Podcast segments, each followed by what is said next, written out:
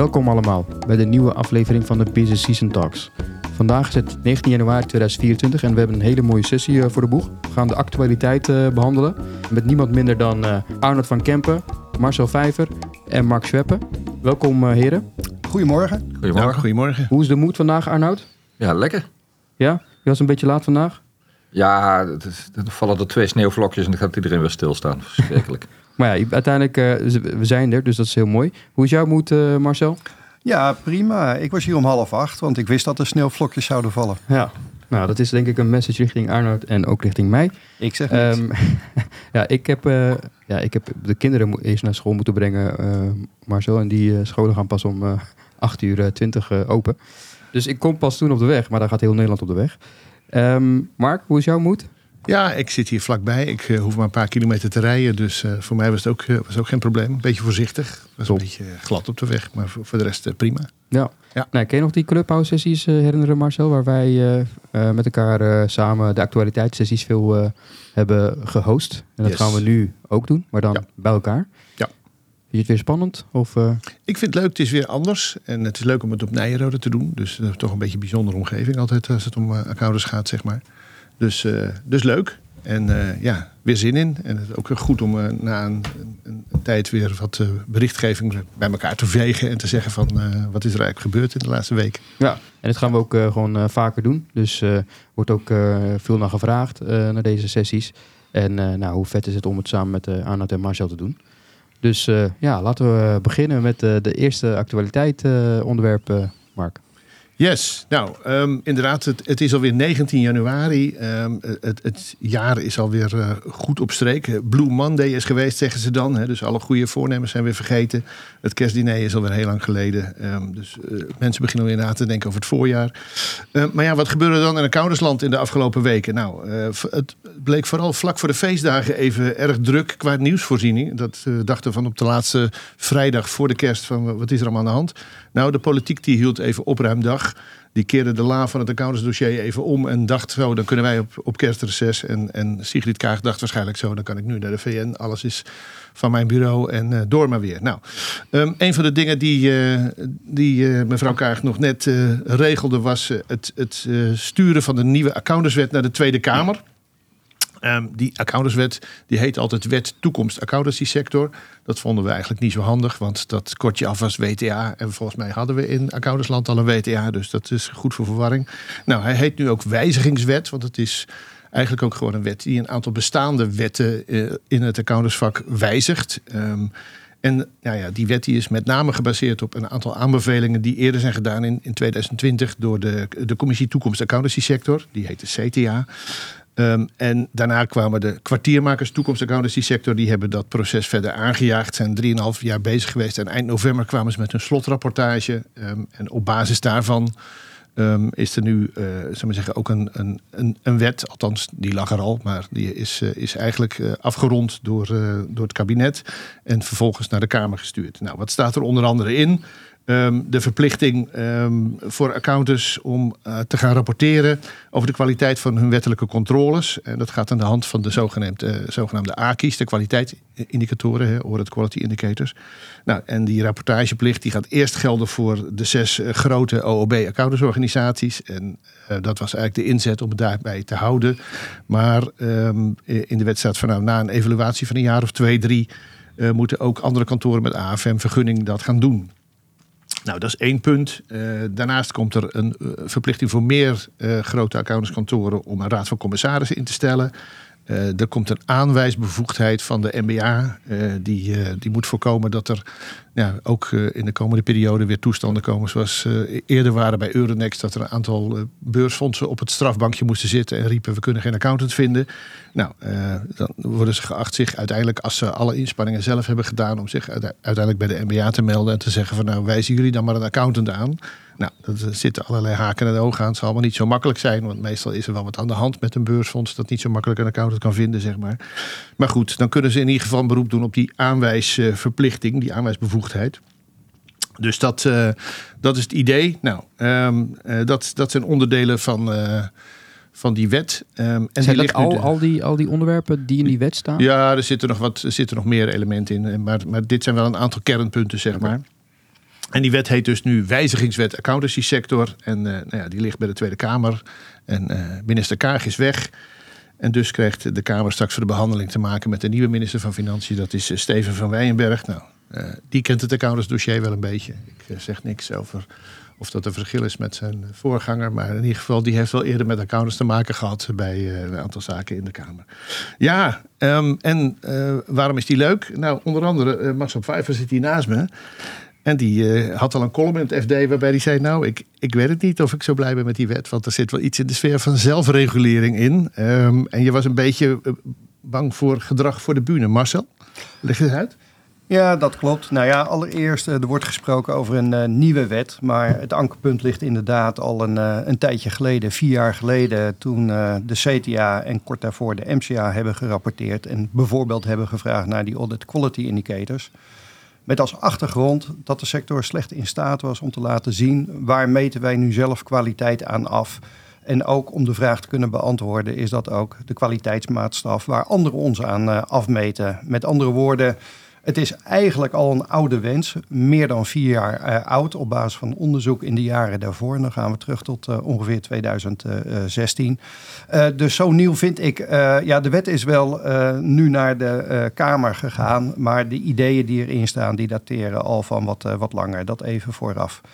Uh, kijkend naar die AKI's, ja, dat is een reparatiemaatregel. Het repareert iets wat er niet was, maar wat er wel had moeten zijn. Dus ik vind het allemaal niet zo spannend. Het zal geen gamechanger zijn. Het zal wat meer inzicht geven. Geldt eigenlijk ook een beetje voor die, uh, die raad van commissarissen. Dat wordt nu uitgebreid van zeg maar, de OOB-kantoren naar een twintigtal kantoren. Op zichzelf genomen uh, goed.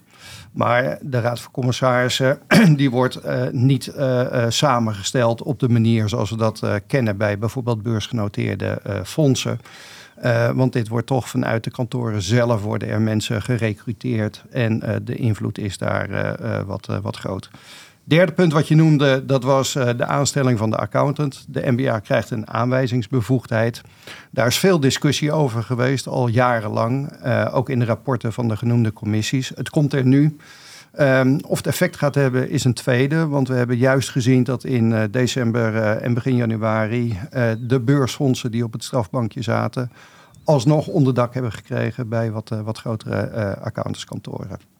Dus dat even over de, de drie kernpunten die erin zitten. Even terug naar de AKI's en waarom was ik er kritisch. AKI's worden gerapporteerd aan de MBA, maar niet aan een onafhankelijk toezichthouder.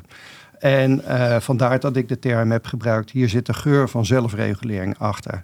Dat geldt ook voor de raden van commissarissen. Dat is gekoppeld aan de kantoren die zelf commissarissen uh, aanzoeken. En natuurlijk is functioneel gezien een raad van commissarissen onafhankelijk. Maar laat ik een onderwerp noemen wat het afgelopen jaar zeer actueel is en nog steeds actueel is. De examenfraude bij de kantoren. Welke daden hebben we nu aan de buitenkant gezien van de raden van commissarissen om het hele proces rond die examenfraude en het op tafel krijgen van de feiten te versnellen? Sterker nog, de aanjaag, aanjaagfunctie om onderzoek naar de examenfraude uh, komt vanuit een toezichthouder. Een toezichthouder die eind 2022 de kantoren de opdracht heeft gegeven om dit te onderzoeken. Maar de signalen van examenfraude die zijn er al vanaf 2015, met name in het buitenland, in Amerika, in Australië, in Canada en in Engeland. Als ik commissaris zou zijn bij een Big Four kantoor en ik zie dat soort berichten vanaf 2015 verschijnen, dan zou ik het initiatief nemen om te willen weten hoe het binnen mijn organisatie zit, of het zich bij ons ook voordoet. En zo ja, wat we eraan moeten doen. Ik heb niet gezien dat dat gebeurd is. Ik heb gezien dat de toezichthouder in 2022 een opdracht geeft.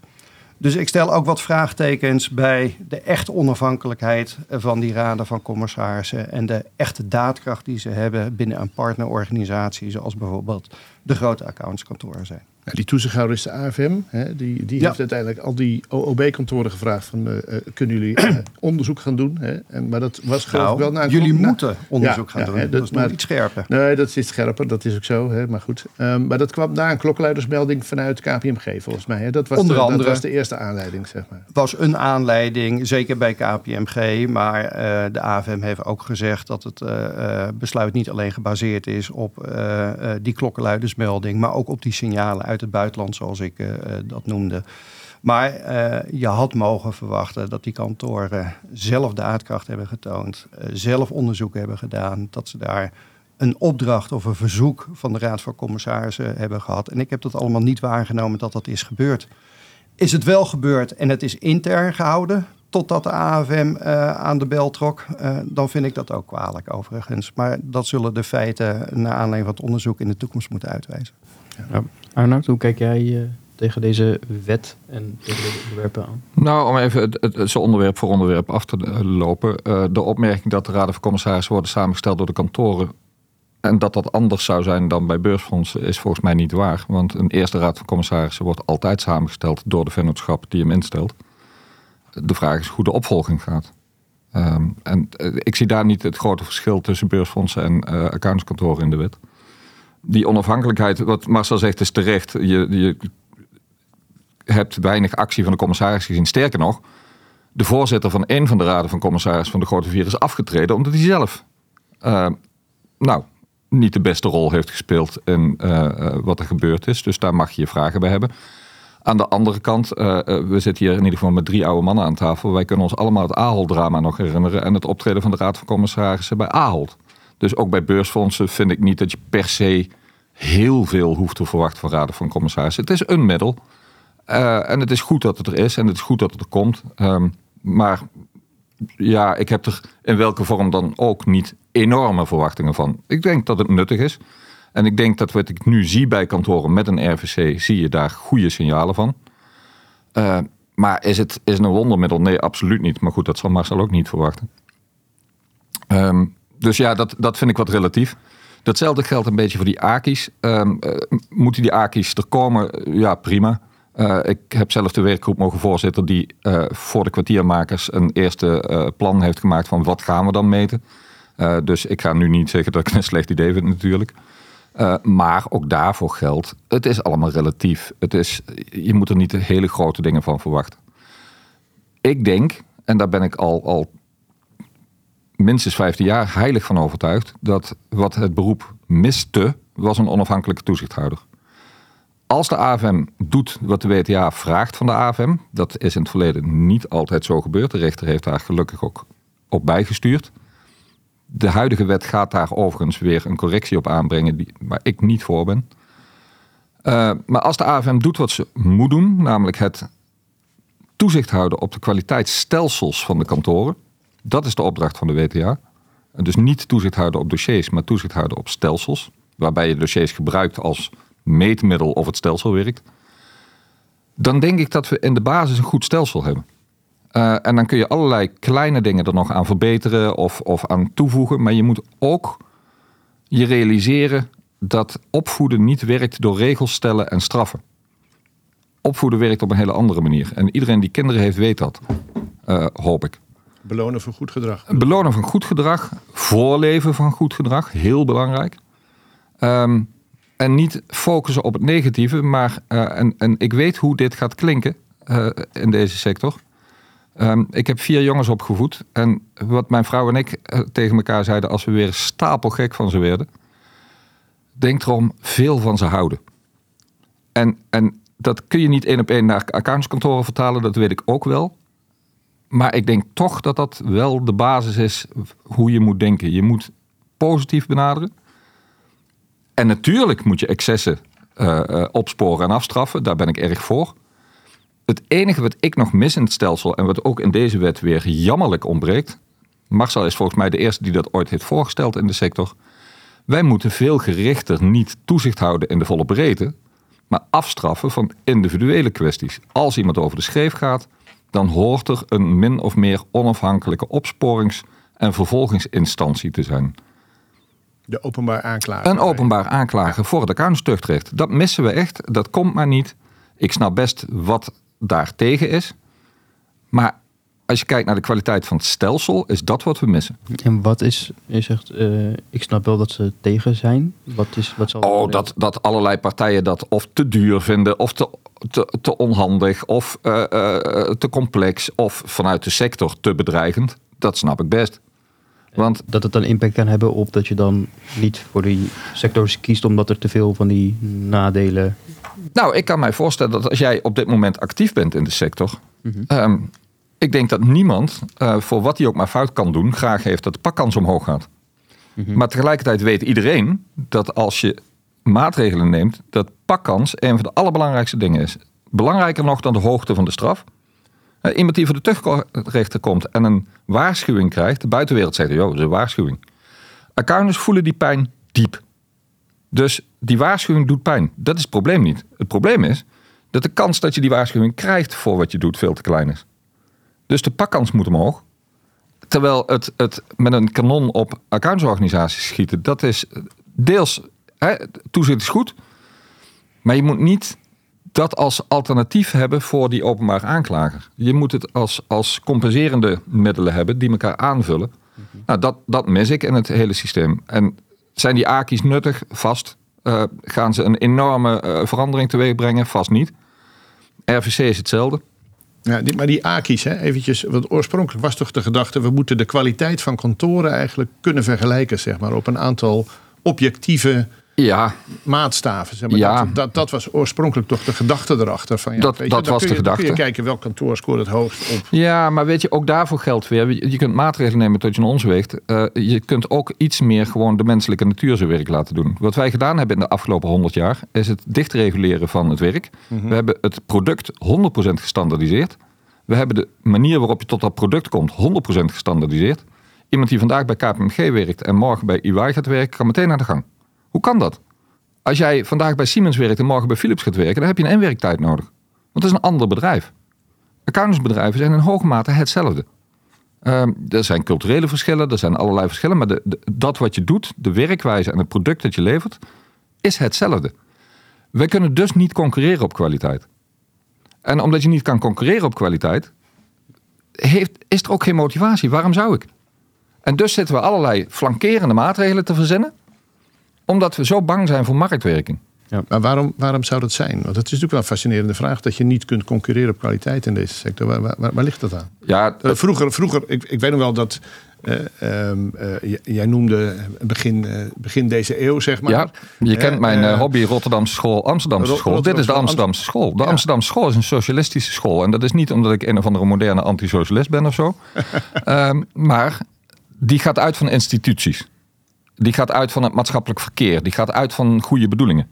Terwijl de Rotterdamse school is, is een liberale school die uitgaat van het slechte in de mens.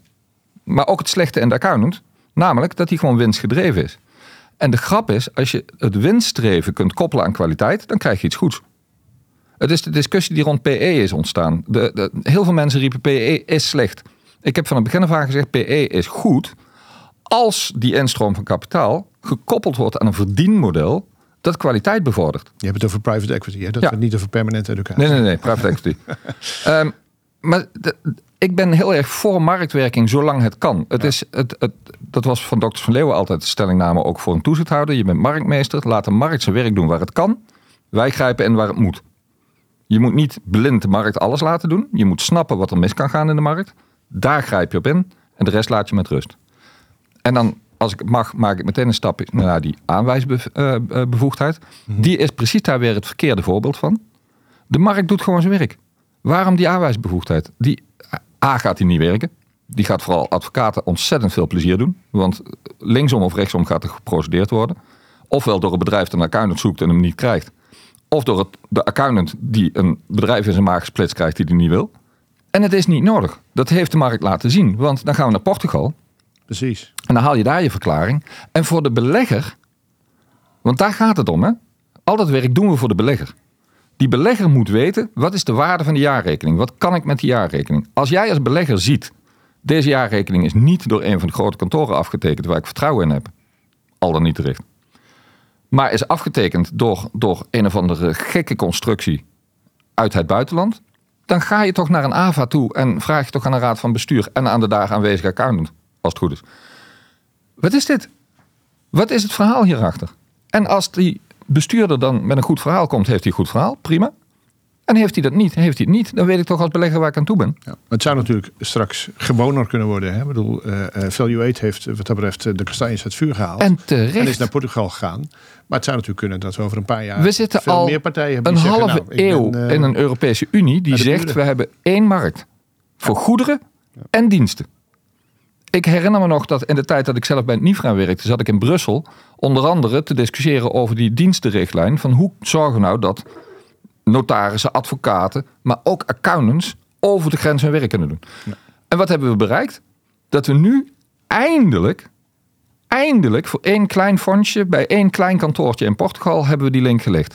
Ik hoop dat de sluizen open gaan.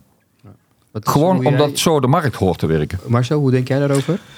Nou, eh, Arnoud zegt een aantal eh, verstandige dingen, maar op een paar puntjes wil ik reageren. Een paar korte en eh, een, een wat langere.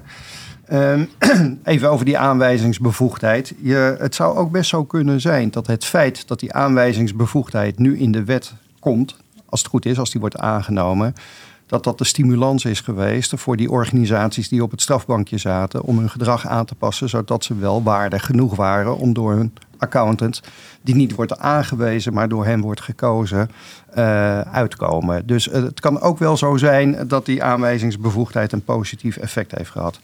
Even terug naar de benoeming van de RVC. Arnoud die zei van ja, dat gaat bij beursfondsen niet anders. Het grote verschil is dat bij de beursfondsen de aandeelhouders in een openbare aandeelhoudersvergadering meepraten over die aanstelling eh, van die eh, RVC. En eh, dat bij een, ehm, een accountantsorganisatie dat in de beslotenheid van de partnervergadering gebeurt. Dus ik zie daar een Dat wezenlijk zijn de verschil. aandeelhouders. Dat zijn ook de aandeelhouders, maar ehm, eh, het grote verschil is dat die op een andere manier belanghebbend zijn dan bij een beursfonds. Want daar is het, zoals jij ook al zei, het beleggend publiek.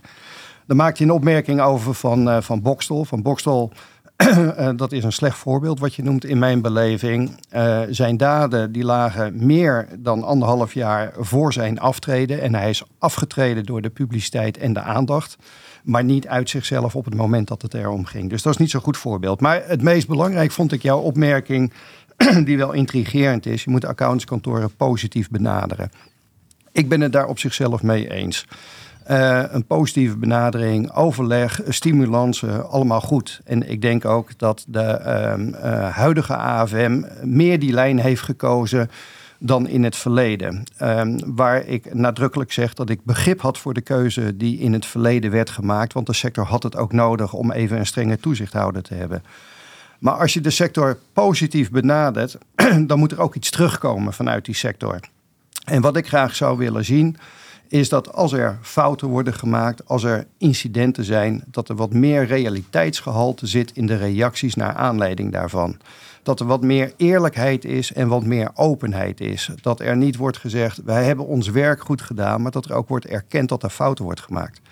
Je kunt zacht zijn als je ook iets terug ontvangt. En we ontvangen te weinig terug vanuit de sector. De reacties zijn voorspelbaar. Wij hebben het goed gedaan. Het ligt altijd aan anderen. Ehm, het ligt altijd bij de klant. Er wordt niet gekeken naar de eigen verantwoordelijkheid. Dingen worden weggestopt. Er wordt een beroep gedaan op geheimhouding. En dat past niet bij de zachtheid die je vereist. Dus ik ben het in essentie met je eh, eens. Alleen de praktijk leert dat het vaak gewoon niet werkt. Ja. Mag ik Nou, daarop vind het reageren? Prima, en dan gaan we daarna wel door naar die Ja. twee. Dan was Ja. Ja, maar ik vind dit wel een hele belangrijke om te reageren, want ik heb het daar eerder die discussie met Marcel gehad. Eh, Marcel heeft eerder gezegd van dat is niet hoe accountskantoren reageren. In de grote lijn ben ik het daarmee eens. Ik zie datzelfde. Eigenlijk zijn we het namelijk bijna altijd met elkaar eens, dus we moeten ook een beetje zoeken naar waar we het niet eens zijn. Ehm, ik ken minstens één voorbeeld waar ik zelf bij betrokken ben geweest. En ik zie het vaker. Dat zijn vaak niet de OOB-kantoren, dat, dat onderschrijf ik. Maar ik, ik, ik ben bij een tuchtzaak betrokken geweest waar het accountantskantoor in de volle openbaarheid exact heeft erkend. Dit is wat we fout hebben gedaan. Dit is wat we eraan gedaan hebben. Zo hebben we het opgelost. We schamen ons kapot voor wat hier gebeurd is. En zo lossen we het op. Beste tuchtrechter, doe je ding. Maar wij gaan als accountantskantoor hier niet het verhaal houden dat we het goed gedaan hebben. Het is letterlijk zo gezegd. Prima. En ik vind, ik vind dat dapper. En ik vind dat je dat. Ehm, ik, ik vind het prima om, om kritiek te hebben waar je zegt het gaat niet goed. En, en op zich, ik weet dat we daar hetzelfde in staan hoor. Alleen ik, ik vind dat wel iets om te benadrukken. De goede voorbeelden zijn er ook. En daarnaast zijn er ook heel veel dingen die gewoon goed gaan. En, en waar ook niks fout gedaan wordt. En ik vind ze nu dan een schouderklopje voor dit beroep met mensen die stinkend hard werken. En hun bijdrage leveren aan de Nederlandse samenleving en economie. Ook van belang. Ja, ik vind dat uh, een mooie bruggetje naar het uh, volgende onderwerp. Want we willen nog een paar andere onderwerpen behandelen. Zeker. Nu we jullie hier hebben, willen we ook Zeker. gewoon weten wat jullie daarover na, over denken. Dus uh, laten we naar onderwerp 2 gaan, Mark. Ja, heel goed. En, en ik sluit me daar overigens van harte bij aan, Arnoud. Want ik denk dat er in de praktijk ontzettend veel dingen heel goed gaan. Maar ja, goed nieuws is geen nieuws. Dat is natuurlijk waar wij um, vanuit accountant.nl ook altijd mee te maken hebben. Dus je komt gauw bij de dingen uit waar het minder goed gaat, zeg maar. Uh, een tweede thema wat ook nog uh, vlak voor de feestdagen uh, ineens loskwam. ineens was daar overeenstemming over. Dat was de VOR, de verklaring omtrent risicobeheersing. Um, nou, daar is een hele tijd uh, uh, mee geworsteld. Um, er waren een aantal partijen die daar wat moeite mee hadden. Dat, is, dat is een verklaring die zal maar zeggen, een onderneming, een organisatie zelf moet afgeven. Om aan te geven dat de risicobeheersing op orde is, zeg maar.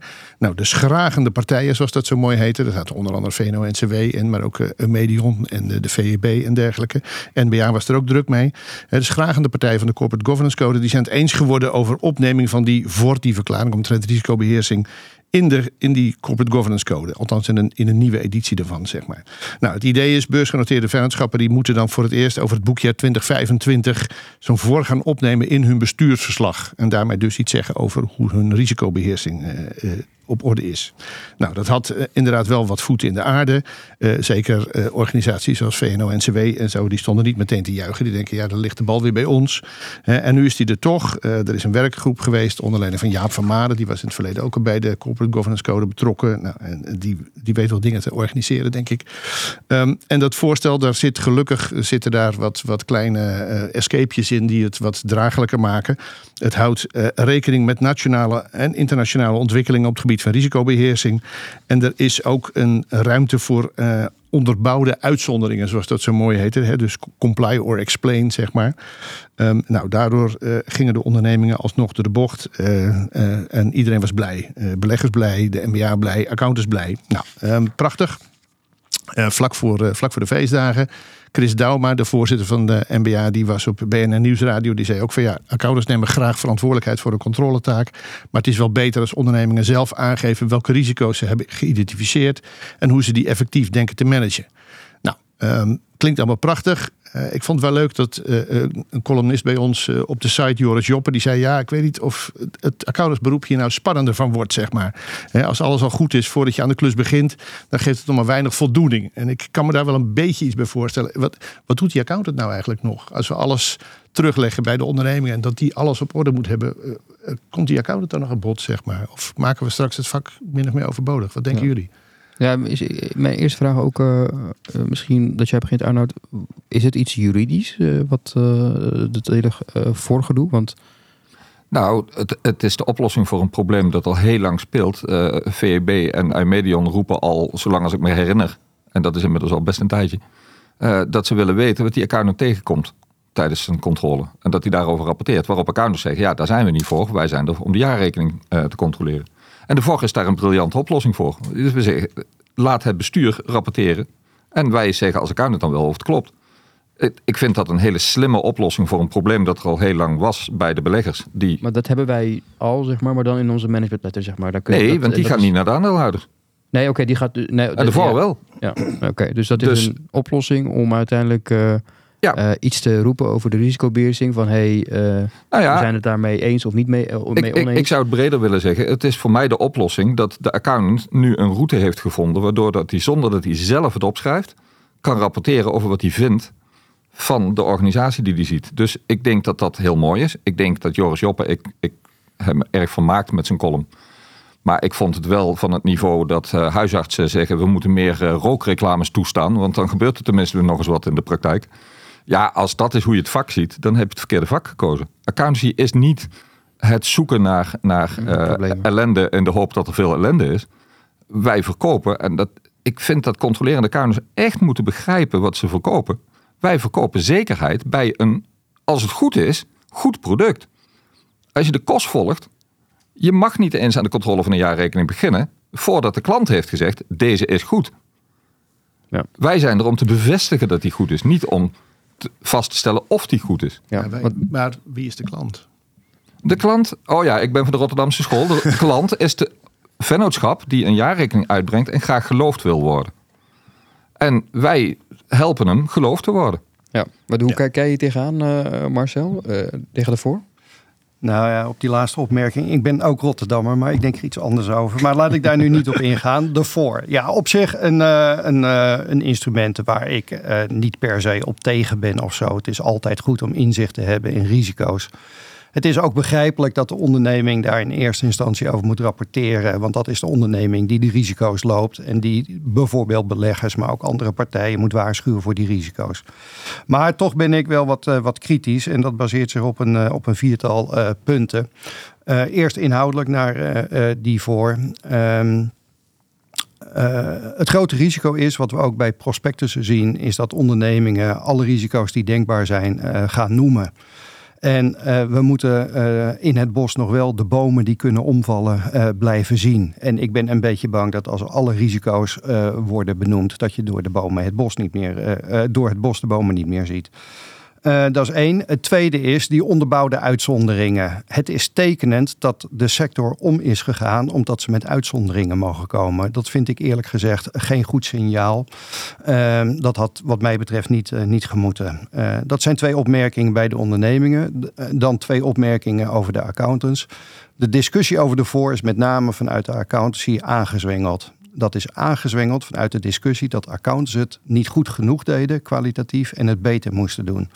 En waar ik altijd een hekel aan heb gehad, is aan initiatieven die vanuit de sector komen, waarin verteld wordt wat anderen beter moeten doen. De discussie ging over wat accountants beter moeten doen.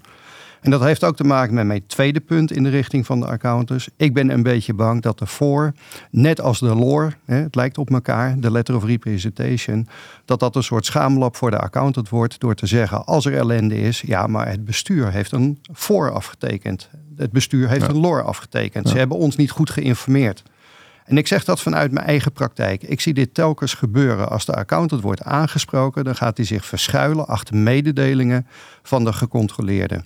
En dat gaat hier ook gebeuren. En daar heb ik toch wat eh, kritiek op. Dan even naar het artikel van, eh, van Joris Joppe.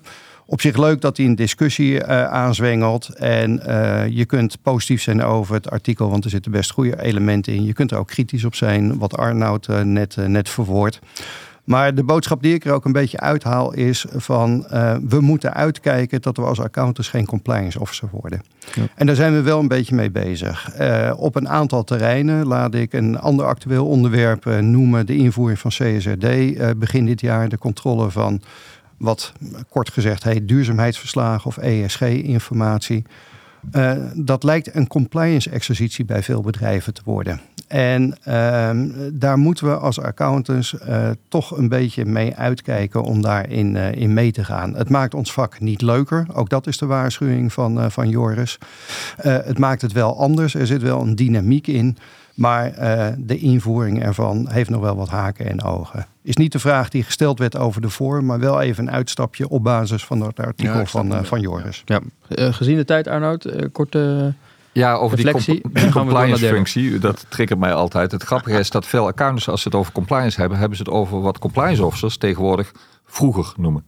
Want die vorm van compliance, waar Marcel het nu ook over heeft en waar accountants het vaak over hebben, is het afvinkwerk. Het, dat is hoe compliance officers zelf twintig jaar geleden in het beroep stonden.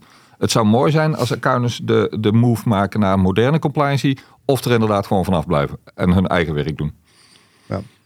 Ik denk dat, het, eh, dat we een volgende kunnen maken. Dus Ja, op, we gaan, eh, het, we 30 gaan naar het volgende. Dat lijkt me goed. Maar de- de- hier, is- ook hier zijn we nog lang niet over uitgepraat, Zeker volgens mij. Het blijft boeiend. Ehm, die management letter wel, ehm zullen we zeggen, naar het bestuur, maar niet naar de aandeelhouder. Ik vind het toch altijd nog een beetje moeizaam. Maar goed. Ehm, ja, een ander thema dat eigenlijk al 100 jaar actueel is, dat is natuurlijk fraude. Hè? Want fraude en accountants, ja, eh, ik geloof dat in het allereerste nummer van het blad De Accountant in 1895 ging het al over fraude. En we zijn in eh, 2024, we hebben het er nog steeds iedere keer over. En we Het blijven ermee van worstelen. het is de basis van het beroep. Daar is het ooit voor opgezet. En toch worstelen we er al, al die jaren mee. Hè? Dat, is, dat is wat het is. Nou ja, ik ga het hier niet hebben over een aantal actuele dingen. Zoals de curatoren van Wirecard. Die inmiddels de ambitie hebben om bij EY in Duitsland ongeveer anderhalf miljard op te halen. Wegens hun tekortschietende controles. Um, nou, dat komt iedere keer wel weer terug in de nieuwskolommen. Um, Marcel had vandaag, het is vandaag 19 januari, in het FD ook een mooi verhaal over het piramidespel van Windhorst en zijn accountant, wat eh, regionale accountant volgens mij. Nou, daar kan hij uh, veel meer over vertellen dan ik, maar dat is ook weer een nieuwe zaak. Ook een, groot dossier volgens mij. Um, ik noem fraude hier eventjes omdat de NBA nu werkt aan een handreiking fraude risicoanalyse.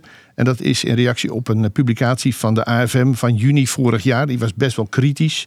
De AFM zegt van ja, accountants moeten betere fraude-risicoanalyses uitvoeren. Dus onderdeel van het hele traject waar de AFM mee bezig is om die, we zeggen, die kwaliteit van accountants uh, af te pellen, zeg maar.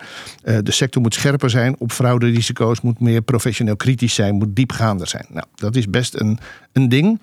Um, en we hadden recent een mooi verhaal van Martijn Hengeveld op onze site. En die zei van ja, uh, ik ga het even hebben over de beroemde fraude-driehoek. Dat is een, model uit 1953 al. En dat gaat uit van drie elementen. Gelegenheid, druk en rationalisatie. Dat is de basis voor fraude. Nou, uh, Martijn zegt, is een achterhaald concept. En er kwam heel veel discussie uit, veel inhoudelijke reacties. En dat is natuurlijk leuk om te zien. En wat ook leuk en actueel is, Marcel schreef op onze site een column. En die zei, ik wil toch graag voor de toekomst gaan nadenken over een stevig boek dat ik wil schrijven over fraude en, en de rol van de accountant. En dat moet toch een soort standaardwerk worden, volgens mij, vol met uh, praktijkcases, boekhoudschandalen, witwassen.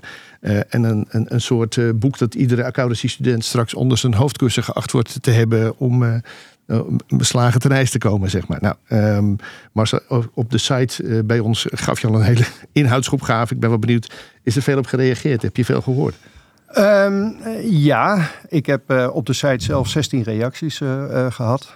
daarnaast heb ik 29 reacties per mail gehad. Ik heb inmiddels een pakket met 37 pagina's aan reacties waar ik waardevolle suggesties uit, uit haal. daar ben ik content mee, maar ik heb er ook wel een opmerking bij.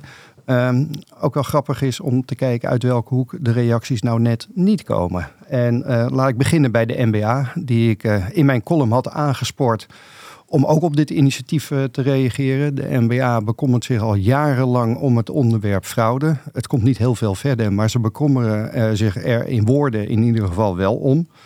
Uh, nu zijn er daden en ik hoor uh, niets. Dat vind ik uh, teleurstellend. Ik weet die, dat ze ermee bezig zijn. Dus jawel, maar die column is inmiddels al een maand oud. En die andere 45 personen hebben al wel de moeite genomen. Ik zou ook graag eh, de input van uh, mijn collega links uh, ontvangen. Want dat is een, een slimme man die vaak met goede suggesties komt. Dus dat wacht ik af. Je hebt het over mij? Maar, dat, ben, dat is, jij mag ook reageren, maar ik doelde op Arnoud. Ehm, maar het meest teleurstellend vind ik eigenlijk mijn laatste opmerking in deze. En dat is dat ik geen enkele reactie vanuit de Big Four heb, heb gehad. En de discussie over fraude is vaak, maar niet alleen gerelateerd aan uh, casuïstiek uh, uit de kantoren. En uh, dat ze het niet willen hebben over de casuïstiek waar ze ter discussie staan, dat begrijp ik. Maar het had de kantoren gegrasseerd om als reactie te geven een punt wat in mijn inhoudsopgave bewust ontbrak. Namelijk de good practices die ze binnen de kantoren hebben. Ook die mogen voor mij in het boek verschijnen. En Arnoud noemde eerder een uh, tuchtzaak waar een kantoor zich positief had opgesteld. Ik hoop dat ik ook die casus nadrukkelijk aangereikt krijg. Maar los daarvan, uh, het had de kantoren uh, gesierd. Hè. Ze bemensen en bevolken werkgroepen in zaken fraude, praten daarover in de stuurgroep. Het is allemaal achter de schermen. Hier hadden ze een daad kunnen stellen voor de schermen. En ik vind dat uh, uiterst teleurstellend.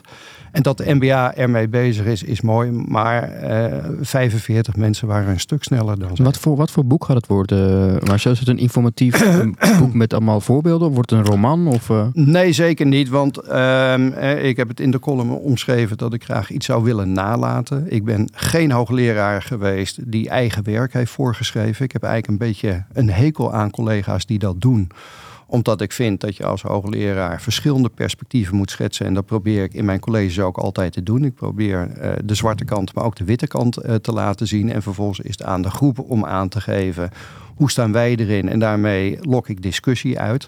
Ehm, maar als ik uh, straks afgezwaaid ben, uh, dan zou ik het mooi vinden als inderdaad dat, uh, dat leerboek er is waar ik iets kan nalaten voor de sector en waarvan ik hoop dat accountants het in de toekomst op dit terrein beter gaan doen. Maar als we al jouw columns nu zeg maar hè, nee, het, het zou... dan heb je ook al een, denk ik een ja, supergoed boek. Maar in die columns zit veel mening ja. en ik denk dat de kracht van het boek moet zitten in een meer feitelijke beschrijving. Ja. Vandaar dat ik mijn opzet waar je aan refereerde vooral heb opgehangen aan casuïstiek. Mhm. Het grappige in die 37 pagina's aan reacties is, is uh, dat de behoefte in het veld veel meer is van um, wie is de persoon van de dader? Wat is zijn motief waarom hij het uh, doet? Wat zijn de gedragskenmerken? Uh, wat heeft dit te maken met de cultuur van de organisaties? En uh, de reactie was, grosso modo, doe nou eens iets minder casuïstiek. Besteed wat minder aandacht aan wet en regelgeving, maar gaan wat meer naar de zachte kant. En uh, wat mij betreft zou dat kunnen. En ik ga daar ook zeker wel iets mee doen. Maar in feite gaat het om dan twee verschillende boeken. Mm uh, in mijn beleving. En uh, ik twijfel er nog over wat ik daarmee mee ga doen. Ik ga zeker iets met die zachte kant doen. Maar of dat het accent in mijn boek wordt, dat weet ik niet. Waarom?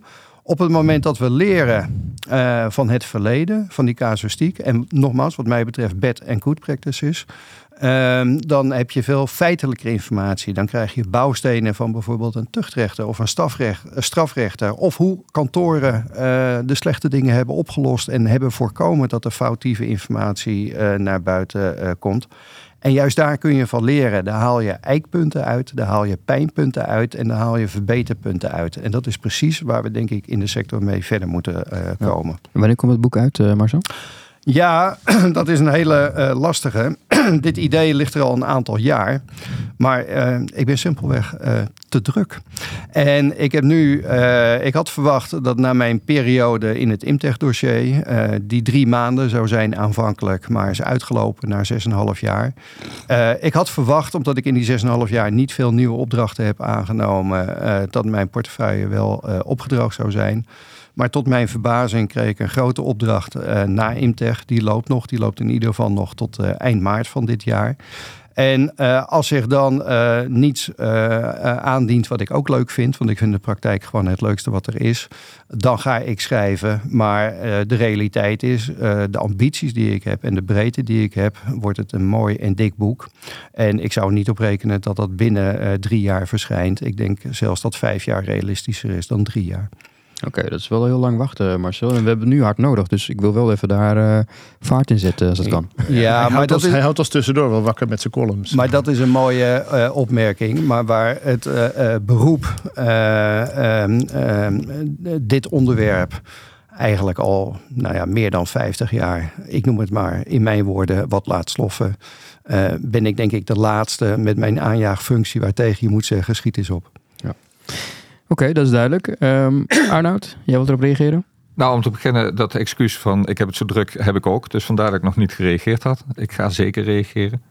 Um, het, het, ik wil wel eens uitspreken, want dat mag ook wel eens benoemd worden. Um, ik, ik, ik, vind dat een van de sterke dingen van jouw rol als hoogleraar. Dat je inderdaad niet bezig bent je eigen boekwinkeltje uh, te runnen. Uh, maar dat je veel inhoudelijker en, en veel breder bezig bent dat gecombineerd met, met jouw deskundigheid. Ik denk dat je jezelf moet dwingen om uh, dat boek te schrijven. Al doe je er vijf jaar over, want dat monument moet je nalaten. Er komt een tijd dat je niet meer in dit vak actief bent en dan moet dat boek er gewoon zijn. Um, en dat moet je niet gaan schrijven achter de geraniums, want dan doe je het niet meer. Dus gewoon doen. Uh, want ik denk, nou ja, twee kanten op. Ik, ik, ik zou het ontzettend graag lezen, gewoon omdat ik jouw deskundigheid enorm waardeer. En jouw breedte. En ik denk dat het beroep er echt iets aan gaat hebben. En dan zou ik inderdaad willen pleiten voor die twee delen. Want ook die softkant moet wel zijn plek krijgen. Maar ik snap dat je zegt van ja, moet dat in één geheel? Nou, maak er twee banden van. Ehm, je mag mij altijd bellen voor ondersteuning, op welke manier dan ook. Mooi, dank je voor dat aanbod en ook uh, voor de ondersteuning. Even een klein uitstapje naar de fraudedriehoek en het artikel wat Martijn Hengelveld uh, noemde. Dat is een van de thema's die in zo'n boek ook aan de orde kan komen, de fraudedriehoek. En hij noemt het een achterhaald model. wat ik daarvan wil zeggen, en ik kom toch weer even terug op de compliance-achtige wijze waarop accountants dingen benaderen. Als je de fraudedriehoek ziet als een mal waarin je elke controle kan aanvliegen uh, dan zie je het als iets mechanistisch. Dan zie je het iets wat je in een checklist kan verwerken. En ik heb altijd veel gehad aan een opmerking die de AFM in het eerste rapport uh, over de Big Four, uh, meen ik, openbaar maakte, ergens begin 2009. Daar zeiden ze in. Checklisten zijn niet om een vinkje te zetten of met ja en nee in te vullen. Checklisten zijn bedoeld om een denkproces in gang te brengen. En dat geldt exact hetzelfde voor die fraude driehoek. De fraude driehoek is niet achterhaald. De fraude driehoek is niet perfect. Maar het is een model wat je kunt hanteren, wat je kunt verbeteren. En de reacties en suggesties die zijn gegeven, ook door Martijn zelf, die zijn zeer handzaam. Daar moeten we ook wat mee, uh, mee doen. Maar ga met beleid om met modellen. Ga met beleid om met checklisten. Ga met beleid om met wat we tegenwoordig dan compliance noemen. blijf zelf denken. Uh, daarom bestaat het beroep nog. Daarom bestaan wij als accountants nog. Ik zeg wij, ik ben geen accountant meer, maar ik bedoel natuurlijk de accountantsberoepsgroep. Daarom bestaan ze uh, en koester dat. Want uh, de toegevoegde waarde zit ook in die professioneel kritische instelling. Die kun je niet automatiseren, die kun je niet vervangen door kunstmatige intelligentie. maar die softe kant, die moet je ook voelen en ervaren als accountant. En dat doe je binnen organisaties. En uh, daar uh, heb je hulpmiddelen voor, maar zie het ook als hulpmiddelen, maar niet als oplossingen. Betekent dat ook, um, en, en daar ben ik zelf altijd warm voorstander van, dat, dat je als accountant meer bij die opdrachtgever moet laten zien? Want tegenwoordig doen we volgens mij heel veel vanuit de eigen ja. werkkamer thuis en zit je daar allerlei digitale dossiers dicht te timmeren. Maar moet je niet gewoon af en toe bij die klant binnenlopen mag en ik, denken... Mag ik dan gewoon een De smell of the place is... Uh, klassiek voorbeeld noemen. Dat, dat al klassiek was toen ik begon met mijn studie. Er is ooit een fraude geweest met, landbouw, met bouwgrond in Florida, in de Everglades. Wat ontdekt werd omdat een accountant gewoon eens ging kijken. En zag dat die bouwgrond moerasgrond was. Als je niet gaat kijken, wat zie je dan? Hoe, hoe kun je ooit weten wat er gebeurt bij je klant als je niet op de werkvloer komt? Als je niet rondkijkt, als je niet echt gevoel krijgt voor de business van je klant. Natuurlijk moet je bij de klant zijn. Ja, er was ook, ook iets met een bord in Polen van Imtech, wat eigenlijk, nou ja, wat eigenlijk een pretpark was. Nee, en, een vissershuisje op de Filipijnen, wat geloof ik 1,9 miljard van Wirecard geparkeerd had moeten staan. Of zo. Je moet gaan kijken, je moet er zijn. En niet eens met drones, dat hoor ik tegenwoordig nog wel eens, dat er met drones door een magazijn gevlogen wordt. En denk ik, daar naartoe. Ga kijken. Ga praten met mensen. Ga ook praten met iedereen. Niet met de directeur, maar ga praten met de mensen op de werkvloer. Hoe gaat dat hier nou? Wat ervaar jij? Ga ook buiten kantoortijden kijken. Ga, maar ben er. Dat, dat is toch de kern van het account. En laten we wel wezen, dat is toch wat het beroep leuk maakt. Nee, zeker. Hier, hier.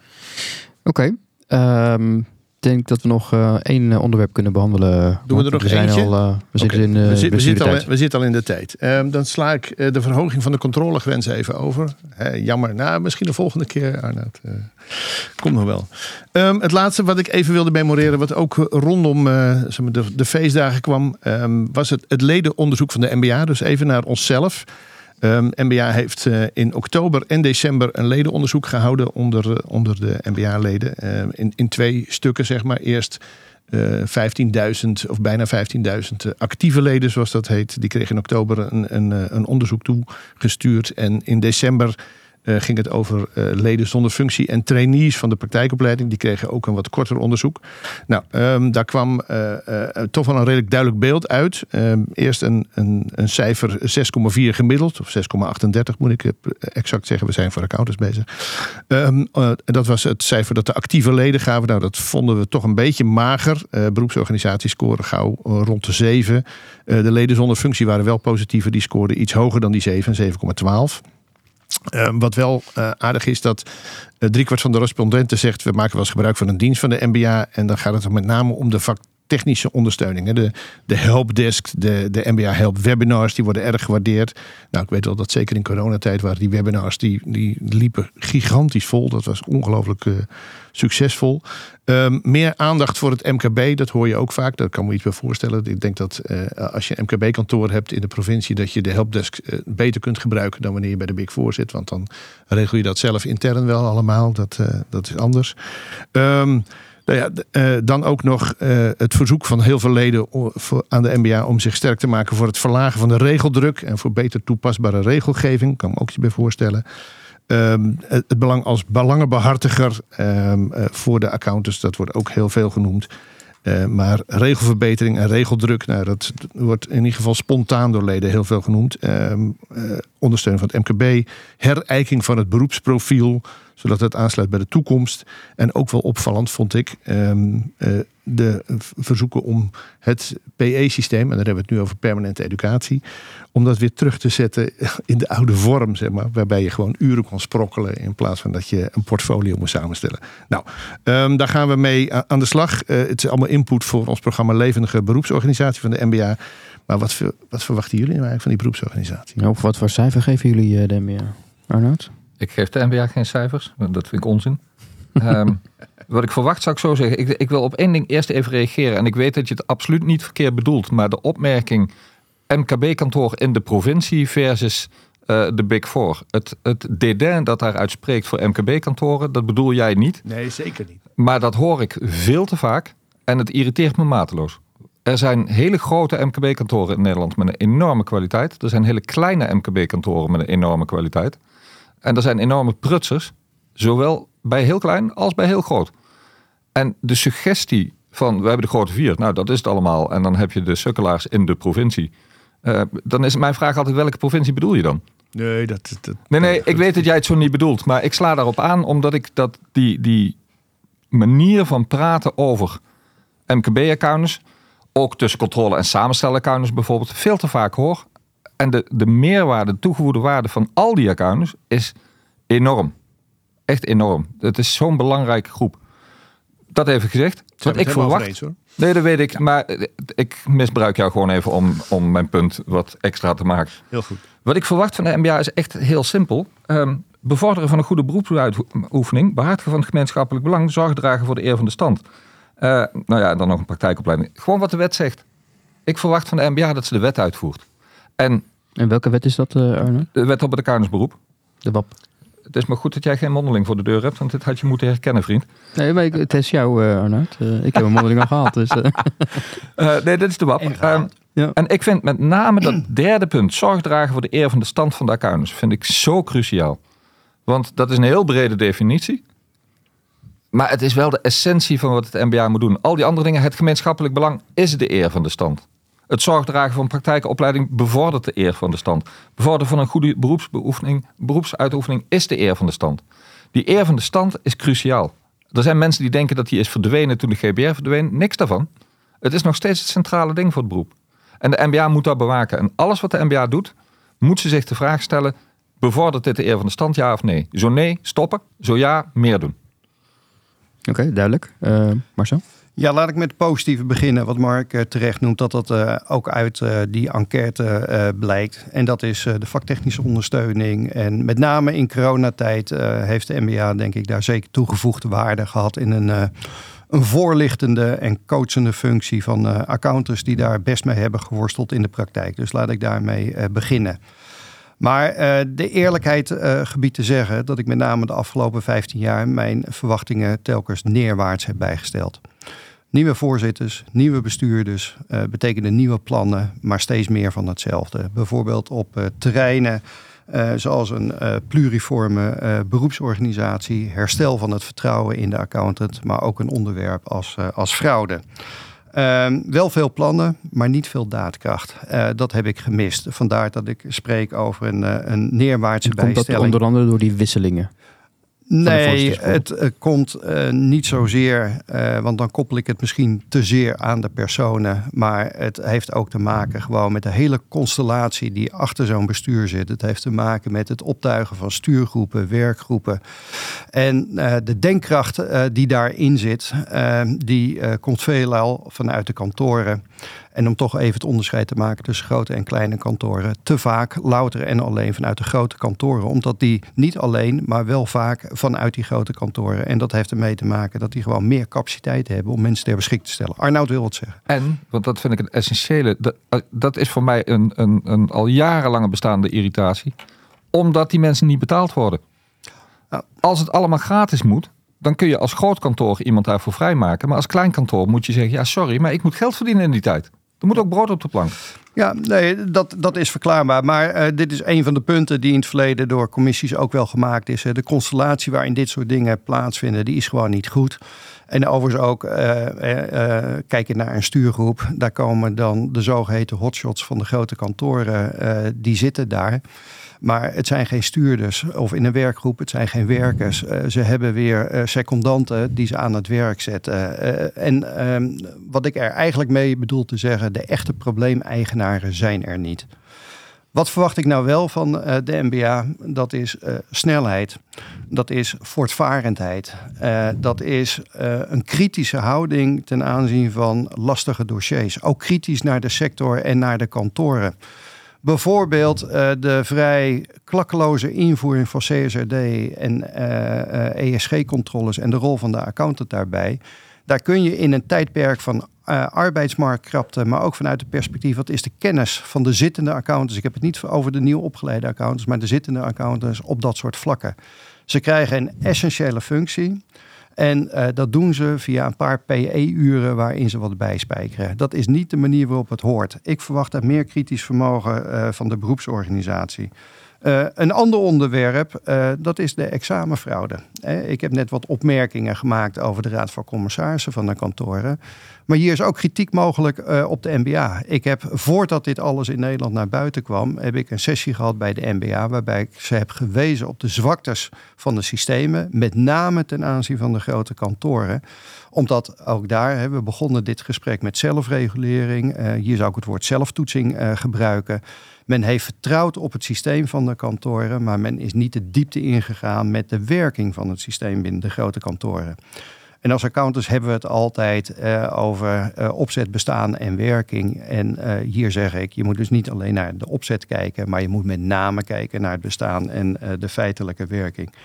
Op dat soort onderwerpen mis ik echt kritisch vermogen van de, van, uit de MBA. En dat heeft gewoon te maken met de hele constellatie. Dat heeft te maken met de achterban. Dat heeft te maken met het deel van de achterban wat je op dit soort onderwerpen inschakelt.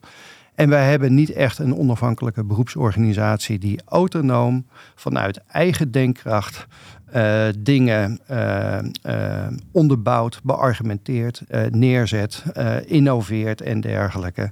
En daarmee krijg je altijd gemankeerde oplossingen. Het zijn altijd halfzachte oplossingen. Het is altijd het doorschuiven naar de toekomst. Het heeft altijd meer tijd nodig. En uh, ik vind dat jammer. Dus ik verwacht vooral snelheid, daadkracht, ja. voortvarendheid op lastige dossiers. Lijkt en die de politiek er wel... Uh... Uh, voor een deel is dat uh, de politiek. En wat je daar beschrijft is eigenlijk dat de politiek een Poolse landdag is. En dat zien we binnen de accountancy ook. Er wordt veel te veel vergaderd. Er wordt veel te veel overlegd. Er wordt veel te veel afslag gedaan op de kwaliteit van beslissingen door die structuren. En uh, dat is wat er echt mis. Dus ik zit niet te wachten op weer een nieuw beleidsplan van uh, nieuwe bestuurders, nieuwe voorzitters of een meerjarenplan. Het is continu, kijk eens maar na over de afgelopen 15 jaar. Het is meer van hetzelfde. Oké, duidelijk, duidelijk. Um, ja, Mark, zijn... Uh, we waren al in de blessuretijd. We zijn in de dus, blessuretijd. Uh, ik ga er niet uitgebreid op in. Ik denk dat Marcel wel een aantal valide punten aansnijdt. Ik denk Arnoud. dat het tegelijk... Of Arnoud en Marcel. Um, ik denk dat, uh, dat daar natuurlijk, als het dingen beter kunnen... tegelijkertijd zie ik gelukkig binnen de MBA... ongelooflijk veel mensen die stinkend hun best doen... en goede dingen doen. En, en toch ook heel veel weten af te dwingen. En dat, nou ja... Uh, uh, dat hebben we bijvoorbeeld inderdaad in coronatijd gezien. Dus ja. uh, we blijven ons best doen en houden ons vooral scherp met, met te zorgen dat het beter wordt. Maar soms lijkt het wel amateurvoetbal of Ajax, Arif. Uh, je best doen alleen is niet genoeg. Hè? Uh, je mag ook een bepaalde kwaliteit verwachten. En als je de pretentie hebt in de Champions League te spelen, dan moet je ook pre uh, presteren als in de Champions League. En um, de dingen die ik beschrijf en wat er niet gebeurt, dat heeft vaak te maken met een bepaalde vorm van amateurisme. En daar mogen we best kritisch op zijn. Duidelijk. Dan gaan we richting de afronding. Dus uh, nou ja, plan. Ja, we, zijn, we dachten 45 minuten, maar we zijn er niet doorheen uh, bijna een uur geworden. Oké. Okay. Ja, ja. Dus, uh, maar het zijn ook uh, ja, hele belangrijke onderwerpen. En we hebben twee ja, mannen hier die heel veel weten en ja, ook ergens wat van vinden. Kanonnen. Dus ja, ik hoop dat de luisteraar dit een mooie sessie vond. En ik vond het onwijs gaaf om het samen met jou te doen, Mark. Wederzijds. Het, uh, en, smaakt en, naar meer. En, graag, graag een volgende keer weer. Want er blijft altijd genoeg nieuws langskomen. Dus dat doen we graag nog een keer. Gaan we doen. Dankjewel en tot de volgende. Yes.